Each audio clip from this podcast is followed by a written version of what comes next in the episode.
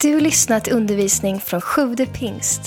Vi hoppas att Guds ord ska tala in i ditt liv och fördjupa din relation med Jesus. Besök gärna vår hemsida, www.sjuvdepingst.se. Ska jag börja med att läsa ett bibelord. Ehm, och det hämtar vi från Lukas kapitel 4 och vers 16. Lukas 4, vers 16.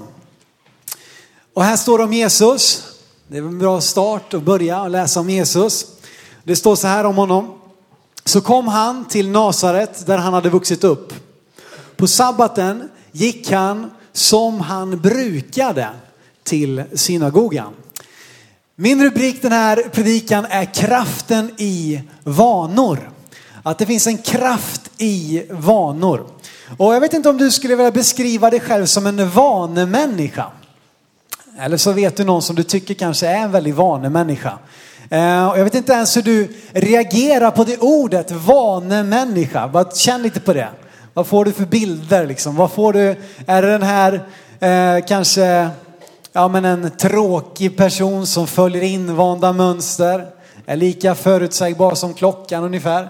Liksom det, det bara snurrar runt, det är samma, samma, samma, samma. Eller får du en annan reaktion kanske på ordet vanemänniska och tänker åh, en vanemänniska. En pålitlig, uthållig, målmedveten person. Jag vet inte alls vad du har för relation till vanor. Men oavsett vilket så finns det väldigt kraft i vanor. Eh, tyvärr så är det lika kraftfullt med dåliga vanor som positiva vanor. Men det finns en kraft i vanor. Och när vi läser om Jesus så är det uppenbart att han hade vissa vanor.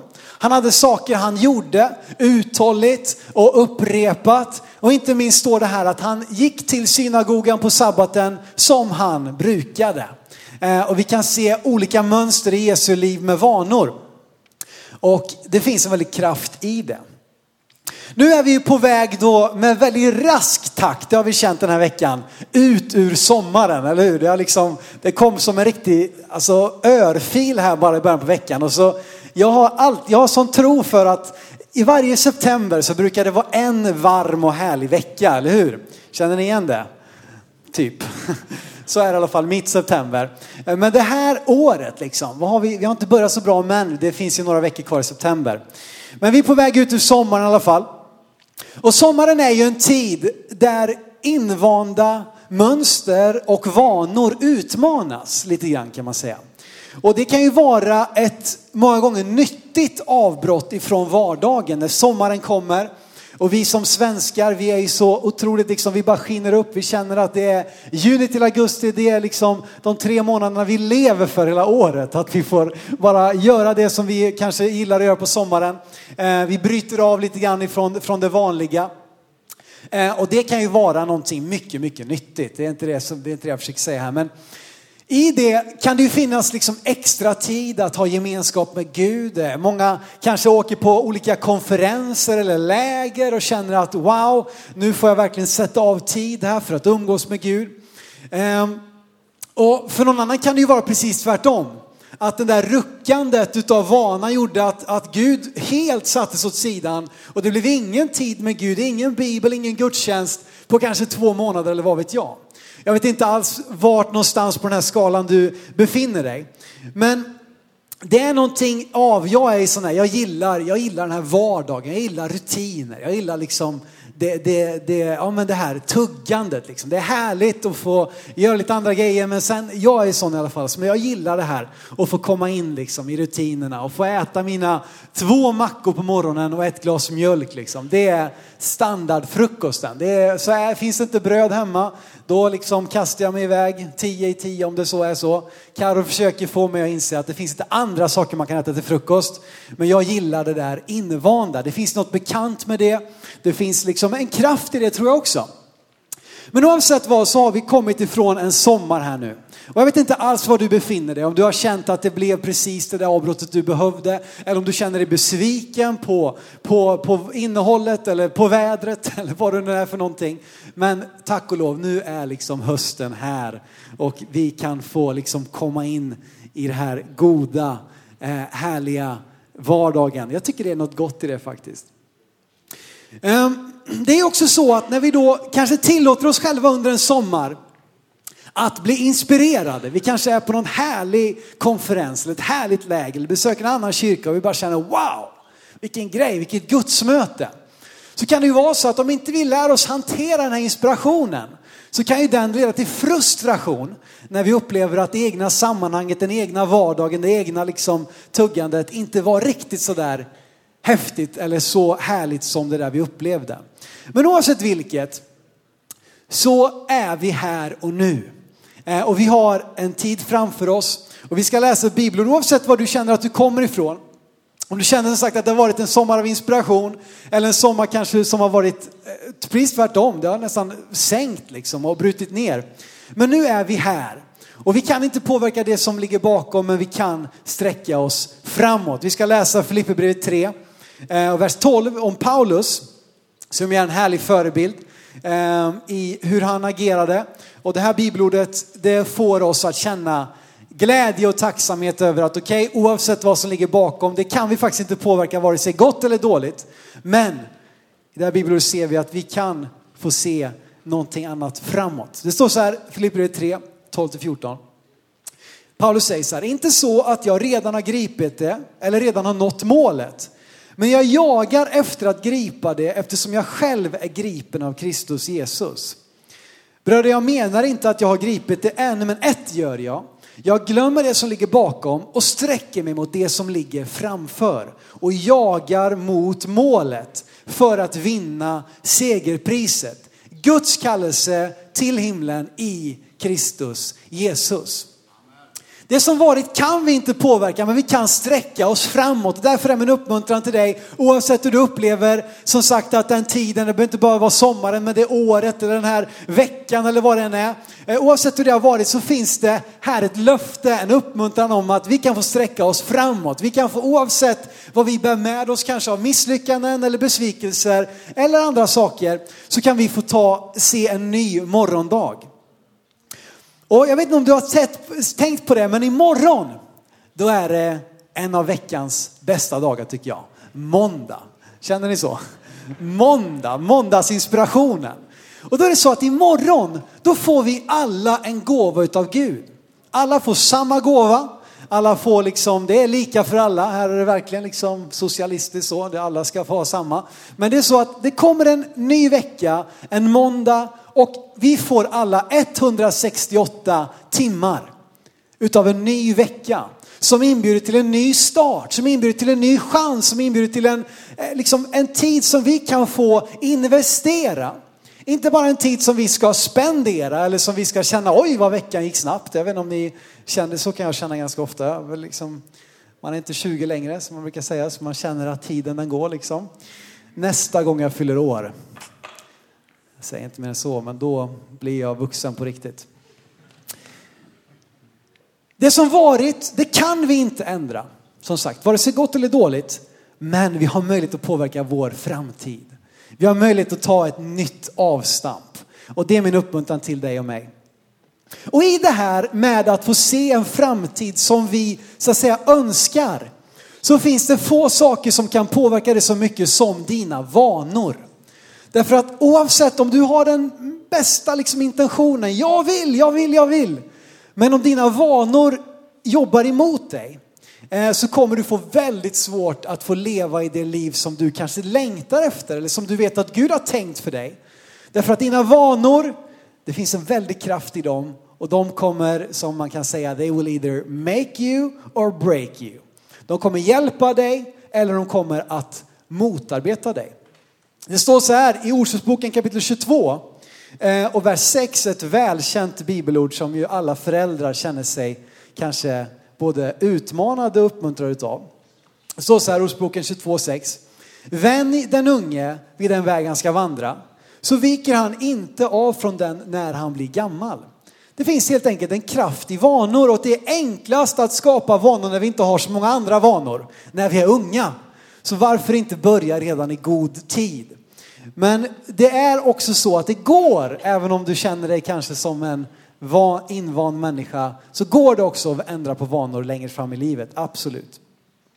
Faktum är att så mycket som 45 procent av all vår aktivitet är på olika sätt vanebaserade.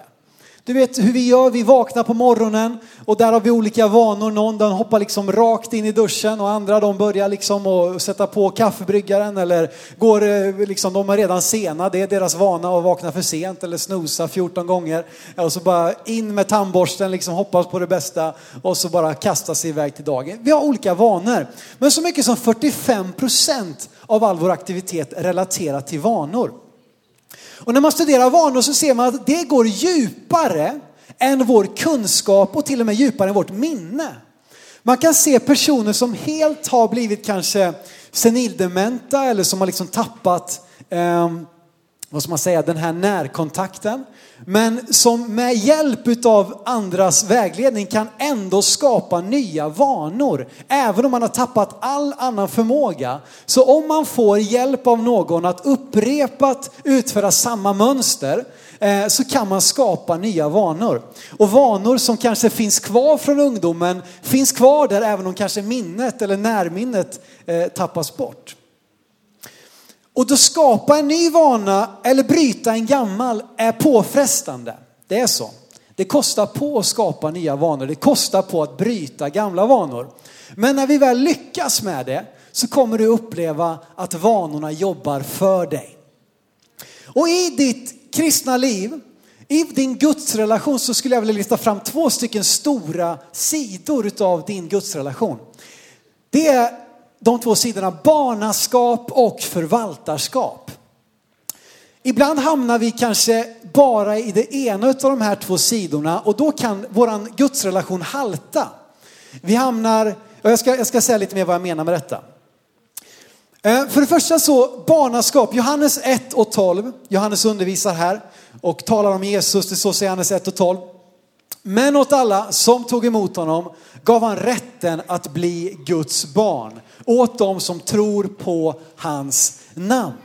När vi tar emot Jesus så blir vi Guds barn. Vi får identifiera oss som hans barn. Det är där i vi har vår identitet.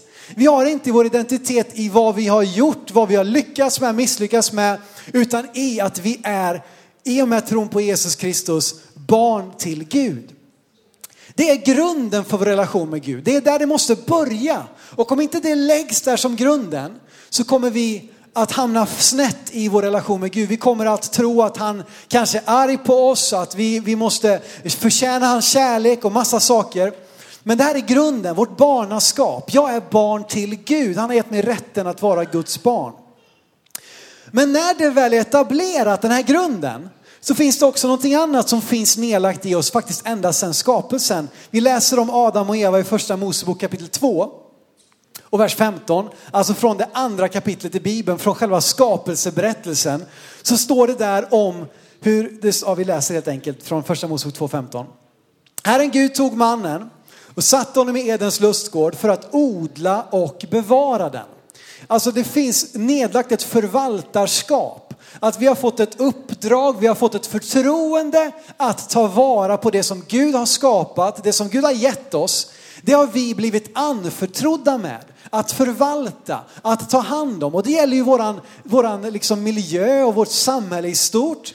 Eh, men jag tror också att det gäller specifikt för oss som kristna uppdrag som Jesus har gett oss att predika evangeliet för hela skapelsen. Att bygga hans församling tillsammans med Jesus. Där har vi fått ett uppdrag att förvalta, att ta hand om. Ehm, och vi är inte menade att aldrig liksom mogna utan i den här tryggheten, i grunden av att vi har vår identitet i vårt barnaskap så kan vi också få börja växa in i ett förvaltarskap där jag är med och tar ansvar, jag är med och bär, jag är med och vårdar och bevarar och utvecklar det som Gud har anförtrott åt mig. Och det känns ju ganska naturligt egentligen att vi får växa i ansvar och förtroende. För inte, om inte annars är det så att det kommer komma nya nykristna, både unga och gamla. Vi fick vara med och se tre stycken bli döpta här idag. Som vi behöver andra kristna som har, som har mognat, som har vuxit, som kan vara med och, och liksom ta hand om, eh, om, om eh, dessa liksom nya eh, i, i början. Så att det finns ett barnaskap och ett förvaltarskap. Och för att det ska kunna också fungera på ett bra sätt så tror jag att vi behöver ta kommandot om vår tid. Vi behöver odla goda vanor som kommer att hjälpa oss i detta. Ehm, och därför så, så skulle jag för det första vilja säga åt oss att du behöver äga dina timmar. Att äga din tid. Eh, därför att det är så ofta tror jag som det blir tvärtom att tiden äger oss. Vi kan ha dåliga vanor som gör att tiden är som att vi känns som att vi är nästan fångar i någon slags tidskarusell som bara snurrar och snurrar och snurrar. Vi känner inte att vi har liksom kommandot över de 168 timmarna som nu om bara 12 timmar här ganska exakt kommer att anförtros oss var och en. Utan vi kan känna att vi är fångar i vår egen tid. Att tiden den bara snurrar iväg. Men som sagt, varje vecka får vi 168 timmar. En gåva ifrån Gud. Jag skulle vilja uppmuntra dig att se det på det sättet. Och som sagt, se måndagen som en härlig dag. Det var väl lätt för mig att säga som är alltid ledig på måndagar. Det är en fantastisk dag måndagar att få vara hemma och fixa lite, påta lite i huset och kanske ge sig ut på en löprunda eller göra lite matlådor eller något annat kul. Men varje vecka får du 168 timmar. Och för det första då så måste vi ju sova en del va? Och nu sover vi olika. Vissa de sover liksom fyra, fem timmar. Andra, som min mor, behöver liksom minst tio timmar varje natt för att funka bra. Eh, men om vi skulle bara ha någon slags snitt här då. Säg att du sover sju timmar per eh, natt. Då blir det ju 56 timmar va? 56 timmar. Eh, och sen är det ju så att, att ofta har vi någon form av uppehälle, att vi jobbar med någonting eller vi studerar. Och då liksom, det här är också olika för alla, det finns de som jobbar liksom 80 timmars veckor, men vi har ju en, en svensk standard som liksom är 40 timmar. När vi då har sovit 56 timmar, jobbat 40 timmar, då har vi 72 timmar kvar. Och sen ska vi ju leva naturligtvis. Vi ska ta oss till jobbet, vi ska åka från jobbet eller skolan, vi ska laga mat, vi ska städa, vi ska fixa, vi ska handla. Låt säga att det tar dig 40 timmar kanske under veckan. Då har du 32 timmar kvar utav din vecka. Och nu vet jag att det här är liksom, det, det, ser bara ut så här på den här bilden. Det är ingens liv som ser ut så här. Men, men i alla fall, så bara för att få oss igång och tänka, liksom, vad gör jag med min tid? Om vi tycker att den försvinner kanske. Och låt säga då att vi till exempel skulle ge tionde av vår tid till Gud. Alltså att vi skulle ge, det finns ju, det är inte så att det är någon slags, det, det finns inget bibliskt i det mer än liksom vi ser tiondeprincipen av vår ekonomi att ge. Men låt säga att du skulle ge tio, tionde av din tid, det är 16 timmar och vi avrundar neråt här för att vara lite schyssta. Då har du 16 timmar kvar som du kan göra vad du vill med. Du kan liksom läsa en bok eller titta på en film eller bara lägga dig och sova i hammocken eller någonting. Vad vet jag. Bara för att hjälpa dig att se, okej okay, var, var är mina timmar någonstans? Äger jag mina timmar eller äger de mig? Vad gör jag med min tid egentligen? Och jag tror att vi behöver kanske bli bättre på att förvalta våran tid, att använda våran tid på ett sätt där Gud märks också i vår kalender, i vår vecka. Och jag inser att det här är fullständigt olika för alla människor. Men min poäng här är att liksom hjälpa dig igång att tänka lite grann. Vart tar min tid vägen? Vad gör jag med min tid? Vad använder jag den till? Spenderar jag den bara eller investerar jag min tid i någonting som kanske är större än mig själv? Och det här med liksom att ge tid till Gud, jag menar det är så extremt olika. Om du liksom pluggar och bor hemma, liksom, det är, du har ju hur mycket tid som helst. Och är du dessutom singel kanske, jag menar, det finns ju oändliga mängder tid. Och sen vet jag ju de, de, de, jag har hört de som säger att de kanske har småbarn och så vidare, att det är klart, då går det mycket tid åt det. Så att det här ser olika ut för oss alla. Men utifrån mina förutsättningar, vad gör jag med min tid? Hur investerar jag min tid? Finns Gud med i kalkyleringen? Ja, det finns han. Gud är det viktigaste för mig. Gud är det bästa i mitt liv. Ja, men hur märks det i din kalender? Hur märks det i din dag? Bibeln säger så här i Matteus 6 och 33. Matteus 6 och 33, ett välkänt bibelord som säger så här, sök först Guds rike och hans rättfärdighet så ska du se, eller så ska ni få allt det andra också. Sök först Guds rike. Vad skulle hända om vi gav och vi satte Gud först när vi planerar våran tid, våran semester rent av. Nej, nej, nej Simon, semestern, då får man vara fri från Gud. Nej, men kanske han ska få vara med då också. Att Gud får vara en del av din tid, av dina pengar, utav din dag, av din morgon. Tänk om han skulle vara det första som fick ta tid på din morgon. Eh, eller är det Instagram som ska få ta din första uppmärksamhet? Jag är där väldigt lätt. Man försöker vakna till och så får man liksom lite hjälp att titta igenom. Men tänk om jag istället skulle bara, vad vet jag, ha en sån här dagens bibel eller någonting på telefonen eller på, på natt, nattduksbordet eller vad den är. Sök först Guds rike. Och jag tror att det är så också att när vi ger av våran tid, av våra pengar, av vår energi, av, av de vi är till Gud så förmerar han det. Han välsignar det. Och jag tror att vi kommer längre på 90% av vår ekonomi som Gud är med och välsignar än 100% som vi själva har kontroll över varenda öre. Jag tror att vi kommer längre med vår tid, att vi får mer gjort om Gud är en del av ekvationen. Om han får ta utrymme i vår dag, i våra liv, i vårat, liksom vad det nu än är för någonting. Jag tror att det är så att om vi investerar i oss själva först i Gud, om vi skapar vanor som bidrar till att Gud faktiskt är först i våra liv, så är jag övertygad om att han kommer välsigna också allt det andra och att han blir en del utav det. Nu ska jag dela med mig av fyra stycken kraftfulla vanor. Jag läste, jag fick lite inspiration av den här, till den här predikan när jag läste en krönika eller en, en text av Daniel Alm som är ledare för, för pingströrelsen i Sverige. Och han skrev, det var någonting i så här, fem tips efter sommarens konferenser. Så det gav mig en del eh, tankar och inspiration för den här eh, predikan. Och läs gärna den texten om du inte redan har gjort det. Men då tänkte jag i alla fall lyfta fram fyra stycken kraftfulla vanor som en del av en församling. Vi kan tala om vanor på livets alla områden. När det kommer till matvanor och sovvanor och, och liksom träningsvanor och alla möjliga saker, saker. Men jag skulle vilja tala med dig om fyra stycken kraftfulla vanor utifrån din, eh, liksom som en del av en församling. När vi eh, ska välkomna nya medlemmar så har vi alltid ett samtal med personer som vill bli en del av vår kyrka. Eh, och då har vi en, en broschyr som beskriver vår församling, vår vision, våra kärnvärderingar, viktiga trossatser och, och andra saker som är viktigt. Och i det också har vi ett uppslag som vi kallar, hela den här broschyren är uppbyggd på att man delar någonting. Dela visionen, dela livet, dela våra kärnvärderingar eh, och så vidare. Så har vi ett uppslag som heter dela ansvaret. Och det talar vi om med alla nya medlemmar. Jag tror att det kan, jag kände det kanske är nyttigt också att prata med några av de gamla medlemmarna om detta också. Eh, eller med mig eller vem du nu är, om du är ny här i kyrkan. Fyra stycken kraftfulla vanor som vi uppmuntrar varje person som blir en del av vår kyrka att få, få se i sitt liv. Det första som jag också har snott av Daniel Arm, det är det här säkra söndagen säkra, så jag tyckte det var en sån härlig, liksom säkra, secure the perimeter. Det är sån här, eh, det är ingen som ser såna här polisfilmer här kanske. Vi ska liksom säkra området här nu, spärra av fyra kvarter bort här för att vi måste säkra att den här boven inte kommer bort här nu, liksom kan smita.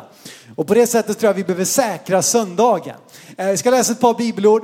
Apostlagärningarna 20 och vers 7 och Hebreerbrevet 10 och vers 25. Du får gärna skriva upp dem om du vill. Då står det så här. För det första är Apostlagärningarna 20, vers 7. Den första dagen efter sabbaten, alltså söndagen, var vi samlade för att bryta brödet. Paulus talade med dem som var där och eftersom han skulle resa nästa dag fortsatte han att tala ända till midnatt. Och nu blir någon liksom lite nervös här. Jag har ju liksom steken där hemma. Ska han fortsätta till midnatt? Men ni som tycker att vi predikar länge, ni skulle ju varit med här va. Men poängen här i alla fall var att ganska tidigt i den första församlingen så utvecklades en vana att träffas den första dagen eh, av veckan och för en jude så var det inte måndagen utan söndagen, dagen efter sabbaten på lördagen. Och då blev det en vana, en tradition för de kristna att mötas för att det var den dagen som Jesus hade uppstått på, som han visade sig första gången för lärjungarna eh, och då började man att fira gudstjänst till liksom, för, att, för att bara påminnas om det, skapa en vana. Sen står det också i Hebreerbrevet 10.25. Låt oss inte överge våra sammankomster så som några brukar göra utan istället uppmuntra varandra. Och det är så mycket mer som ni ser att dagen närmar sig. Låt oss inte överge våra sammankomster utan prioritera dem, uppmuntra dem. Vi ska, inte, vi ska inte skrämma folk till kyrkan, vi ska uppmuntra varandra, säkra söndagen. Jag tror att det finns en väldig nytta med att fira gudstjänst varje söndag. Men varje söndag, nu blir det kravfyllt här. Nej, men utifrån mitt barnaskap, att jag är ett barn till Gud, så vill jag ju träffas med familjen. Eller hur? Vi hade en lite härlig familjesammankomst igår här. Och när vi har det med min familj, då äter vi palt. Det är liksom, det är grejen. Om vi ska försöka samla alla, då vet vi erbjuds det palt, då kommer de flesta. Så det gjorde vi igår. Och det är så va, att som ett barn till Gud så vill jag ju möta framförallt Gud själv, men också familjen. Familjesammankomsten, söndagsmiddagen, att få komma samman, lägga veckan till, som har varit i Guds händer och kalibrera veckan som kommer utifrån Guds liksom, eh, närvaro och hans, hans eh, tilltal i våra liv. Och det gör dig, jag tror att det är liksom en rytm för oss. Och det är inte så att det bara kan ske här i vår kyrka, eh, även, om, även om det är en bra start. Eh, men att bara få ha det här som en rytm i våra liv. Och när vi firar gudstjänst så gör vi det ju till Guds ära för det första. Det är han vi är här för att ära, lyfta upp. Det är därför vi tar gott om tid till att lovsjunga Gud och be till honom. Men det är också till din uppbyggelse. Och jag tror att vi alla behöver den här uppbyggelsen regelbundet. Det är inte så att för att man har ätit en gång så behöver man aldrig äta igen. Nej, jag behöver äta gång på gång på gång på gång. Och så är det också i gudstjänsten. Där blir jag uppbyggd, jag blir uppmuntrad. Men inte slutar det där, utan jag kan också få komma och fira gudstjänst och bli till någon annans välsignelse. Det kan vara till Guds ära, till min egen uppbyggelse och till någon annans välsignelse. Att jag får kanske komma och be för någon. Jag får uppmuntra någon. Jag får vara en av de där som skakar hand med den här nya personen i kyrkan som Daniel pratade om. Jag får vara här och bli till välsignelse för någon annan. Så om det nu är så att du inte känner dig själv uppbyggd, ja men bli i alla fall till välsignelse för någon annan. Eh, och det tror jag är bara tre stycken sådana grundbultar eh, liksom, i det här med gudstjänstfirande. Och i det här så talar vi inte heller om publik, att liksom ni kommer hit och jag ska, jag ska vara publik här nu i en gudstjänst. Nej, vi är här för att fira det tillsammans. Där vi förenas i lovprisningen, vi förenas i bönen, vi delar när någon blir döpt. Vi gör det tillsammans, vi säkrar söndagen. Daniel Alm skriver så här, värdera din församlings gudstjänster högre och du ska se att de växer och du med dem. Och jag tror verkligen att det är så när vi värderar söndagsgudstjänsten så är det någonting som kommer få dem att växa och det kommer få oss att växa. Säkra söndagen. Och vi talar med våra nya medlemmar om att fira gudstjänst. Att ha det som en rytm och som en del av att vara en del av församlingen att man firar gudstjänst. Vidare då talar vi om hemgrupper, jag vill säga dela livet. Dela livet. Att vi är inte bara här för att som sagt då vara åskådare eller för att liksom dela någon slags eh, hobby eller vad det är. Nej, vi är här för att dela livet med varandra.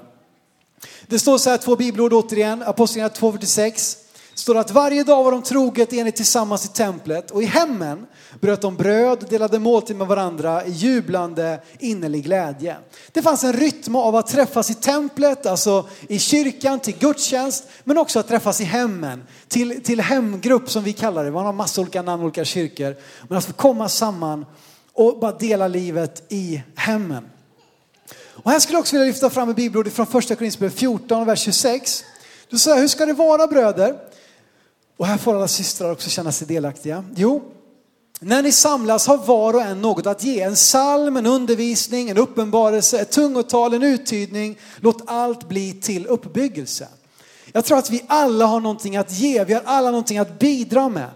Naturligtvis är det på ett sätt svårare ju fler vi blir. Att liksom nu ska, okej okay, nu är det din tur, vad har du att bidra med och vad ska du bidra med och vad har du att ge? Jag tror att vi bidrar med någonting i det stora hela definitivt. Men i hemgruppen, där blir det så mycket mer påtagligt att där kan vi vara med, uppmuntra någon, dela ett vittnesbörd, be en bön, fixa lite fika, leda en lovsång eller vad den är för någonting. Där får vi vara i funktion. Och vi vill lyfta fram hemgrupperna, inte bara som en del utav liksom ännu en verksamhet, inte bara ännu en grej, utan som en kärna i vår kyrka tillsammans med gudstjänsten på söndagen, hemgruppen under veckan. Det finns någonting i den stora gemenskapen, en dynamik, en kraft av att komma samman. Men det finns också en dynamik i den lilla gemenskapen som inte den stora har och vice versa. Vissa vill nöja sig med bara det ena. Jag gillar bara när det är stort och det är högt och det är härligt och det är mycket action. Och andra tycker nej, nej, nej, jag vill bara ha det lilla. Men varför måste man välja? Kan vi inte ha båda två? Jag tror det. Att få vara med och dela livet. Och där i så vill jag uppmuntra dig att dels är det många hemgrupper som har dragit igång nu igen, kanske efter att vi har kört upp en hemgrupp i sommar med gemensamt. Att bara vara med, häng på, var, var en del utav det. Min tredje sak och det som vi brukar lyfta fram också med våra nya medlemmar är att tjäna i team, att få använda sina gåvor, att få bli använd av Gud. Och vi hade en fantastisk kick-off helg förra helgen eh, där vi talade just om detta med att vara en del av ett team. Att vara med, ge, ge dina gåvor till Gud. Han har gett dig talanger, han har gett dig förmågor, han har gett dig så mycket gott som du kan få låta bli till välsignelse för någon annan. I Romarbrevet 12 och Johannes 15 står det så här. Liksom vi är en enda kropp, har många lemmar och alla lemmarna inte har samma uppgift, så är vi många en enda kropp i Kristus, men var för sig är vi varandras lemmar. Vi har olika gåvor efter den nåd som vi har fått. Du har gåvor som vi behöver. Jag har gåvor som du behöver. Men när vi ger dem till, till församlingen så kan det få blomstra, det kan få fungera, det kan utvecklas. Så att nöj dig inte och se inte heller ner på det som du har fått utan ge det, använd det. Därför att det är Gud som har utvalt dig. Vi ska inte, vi, vi, vi, du får skriva ner andra bibelordet, Johannes 15 och 16. Det kristna livet är ingen one man show. Det är inte så att det, det, funkar med bara några enstaka här. Utan det bygger på att vi är med och ger. Och jag blir så glad här i veckan fick jag sitta ner med några tjejer, eh, Angelica och Sara och Amanda, som har kommit och sagt att hej, vi älskar att dansa. Och de har gjort det här i kyrkan ibland och inte minst förra söndagen var de med och körde lite grann. Men vi skulle vilja starta ett dansteam. Vi vill göra, liksom, vi vill göra plats, vi vill använda de här gåvorna, att, att det ska få ta mer plats i kyrkan och att kanske våra kompisar kan komma med genom det och de som inte ännu är med i något team liksom kan få komma med där. Och så bara ger man sina gåvor till församlingen och så kan det få börja växa och blomstra och det blir någonting som, som berikar oss. Det gör våran kyrka bättre. När vi ger det vi har fått till Gud. Och det är också så att när vi alla ger utifrån våra förutsättningar då behöver inte heller någon bli nedtyngd med hela bördan. Utan när vi då växer från vårt barnaskap till att också bli förvaltare, då är det inte så att hela ryggsäcken måste ligga på Martin här. Han är en av de få som har gjort lumpen. Det är, det är, inte illa alltså. Men du vet att då behöver man fördela tyngden, fördela ansvaret. Och när vi alla utifrån våra förutsättningar, våra gåvor ger det till Gud så kan det här fungera och det kan blomstra. Och i det här också inte tänka projekt. Ah, Okej, okay, jag kan vara med en gång. Eller jag kan vara med när det är det häftigaste på året. Eller när det, när det står Christmas. Då vill jag vara med, men aldrig annars. Nej, låt oss se en uthållighet. Och tänk inte heller att du måste, utan att du får. Jag får komma hit god tid innan. Och där är ju Amanda förresten. Du var här också. Vad gött, jag såg inte dig förut här. Det är härligt. Att du får vara med och ge av din tid, av dina gåvor. Det sista jag vill lyfta fram som vi också nämner till alla nya medlemmar, det är att vara med och ge. Ett målmedvetet givande. Att ge med mening, med planering, med en uthållighet. Att vara med och ge, alltså då talar vi om ge ekonomiskt. Vi ska lyfta fram ett par bibelord, första Krönikeboken 29 och första Korinthierbrevet 16. Först står det så här, eftersom jag älskar min Guds hus ger jag också vad jag själv äger i guld och silver till min Guds hus, utöver allt som jag förut har skaffat till det heliga huset. Första Korinthierbrevet 16 så står det, Paulus säger till korinterna, på första veckodagen, återigen den första dagen, vad ska ni göra då? Jo, då ska var och en av er hemma lägga undan och samla vad han lyckas få ihop så att insamlingarna inte görs först vid min, vid min ankomst. Det talas om ett, ett, ett regelbundet, sätt av pengar första, veck, första dagen under veckan. Gör inte bara liksom aj, aj, aj, nu ska vi ge någonting också. Nej, var med och planera. Planera upp din ekonomi och gör Gud till en del utav det. Och mitt motiv för givande är kärleken till Gud. Kärleken till Guds hus som det stod som David hade här. Därför ger jag. Jag ger inte för att det är ett tvång. Jag ger inte för att det är en plikt. Jag ger inte för att det är en skatt. Det är ingen medlemsavgift. Vi får inte ens ha det. Det står inskrivet i våra stadgar att vi får inte ha några medlemsavgifter. Men vi får samla in hur mycket pengar som helst. Så det är bra. Så att här kan vi vara med och ge utifrån vår kärlek till Gud. Och i det här så, jag lyfter ofta fram det för jag tror på det, så är tiondet en god princip. Att vara med och ge Gud en tiondel av min ekonomi. Och det är en bra början. Och det är någonting jag skulle vilja uppmuntra dig till. Jag tror att det är Guds goda finansieringsplan. När tiondet fungerar i en församling, då finns det en grundplåt för en stabil, för en trygg, för en växande ekonomi.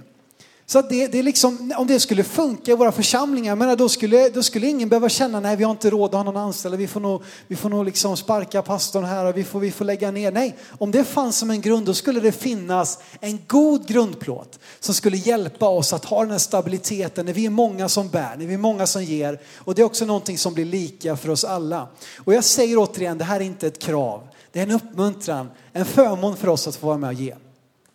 Så här fyra stycken goda vanor att säkra söndagen, att dela livet i hemgruppen, att tjäna i team, att vara med och målmedvetet och regelbundet ge. Och med det sagt så vill jag bara säga till slut att gör det bästa med det du har. Försök att skapa goda vanor utifrån där du är. Och jag menar, är det så att, att alla de här vanorna i ditt liv pekar någon helt annanstans så, så liksom tänk inte nu att allt måste vara på plats här nu, liksom den första oktober, då ska allt det här funka. Nej, utifrån där du är så kan du ta ett steg av att få börja växa in i detta. Och jag skulle åh, jag drömmer om och jag ser det också. En församling som är, som är liksom stark och som växer och som är stabil, som inte bygger på bara några enstaka människor, utan där vi är många, många, många som är med och bär och bidrar och ger och tjänar och ber och firar gudstjänst tillsammans. Det finns få saker som är så förödande. Det är nästan en, det är nästan en, en, en vad, vad säger man, en sån här landssjukdom det här med jämförelsen. Att vi ska jämföra oss med varandra. Inte minst hela den här sociala medievärlden har ju tagit det här till en helt ny nivå. Där vi jämför oss ständigt och jämt med andra. Och kanske att du sitter nu och jämför dig med mig liksom, eller jämför dig med någon annan och du ser och vad de är bra, vad de har allting på rätt plats och, och det är liksom vad mycket, vad mycket, ja, vi jämför oss med varandra och det där är, alltså det, det är faktiskt en förbannelse, alltså jämförelse, rent ut sagt alltså. Men vi ska inte låta den här jämförelsens förbannelse lamslå oss. Vi kan bli inspirerade av någon annan, vi kan ta rygg på någon annan och det ska vi göra. Ha goda förebilder. Människor som vi känner, wow den där personen ser jag upp till. Honom eller henne vill jag börja umgås med för att jag ser upp till det de gör och det de har. Men om det leder till att det lamslår vår handlingsförmåga, vi känner oss otillräckliga och kanske det jag har sagt idag bara känns som ett för stort steg för dig. Ja men börja där du är. Andra Korinthierbrevet 8, vers 12 står det. Finns den goda viljan är den välkommen med vad den har och bedöms inte efter vad den inte har. Du kan inte göra någonting med det du inte har faktiskt. Men du kan göra någonting med det du har. Med din tid, med dina gåvor, med det som du har blivit anförtrodd så kan du vara med och göra skillnad och ge och bidra till någonting som är större än dig själv. Tack för att du lyssnat. Glöm inte att du alltid är välkommen till vår kyrka.